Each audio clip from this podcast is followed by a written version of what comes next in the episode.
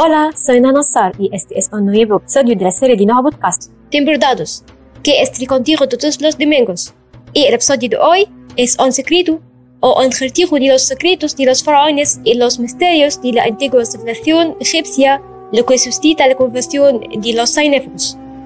Y ahora hablaré de la desaparición de la reina Nefertiti, Nefertiti, la esposa del faraón Echnatón. Siempre fue conocida por su belleza además de ser la gobernante del Nilo y la hija del dios. Desempeñó un papel importante en la difusión de la nueva religión de Echnatón representada en la adoración del disco solar Atón. Pero en el décimo año del reinado de Echnatón, la reina Nefertiti desapareció repentinamente en circunstancias misteriosas.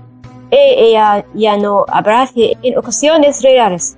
Y su nombre no se menciona en los escritos faraónicos. Hasta este momento, los científicos no han podido explicar qué le sucedió a la hermosa Larina. Gobierno desde detrás de la cortina o gobierno con una identidad diferente o muero misteriosamente y para hacer las cosas aún más extrañas, la momia de la reina Nefertiti nunca ha sido encontrada hasta ahora.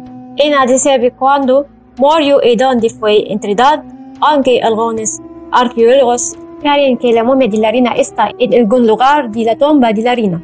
El joven rey Tutankamón, que algunos creen que es su madre, de hecho, han pasado cinco años desde la teoría británica Nicholas Reeves, en la que afirmaba que la momia de la reina Nefertiti se encuentra detrás de la tumba del rey Tutankamón.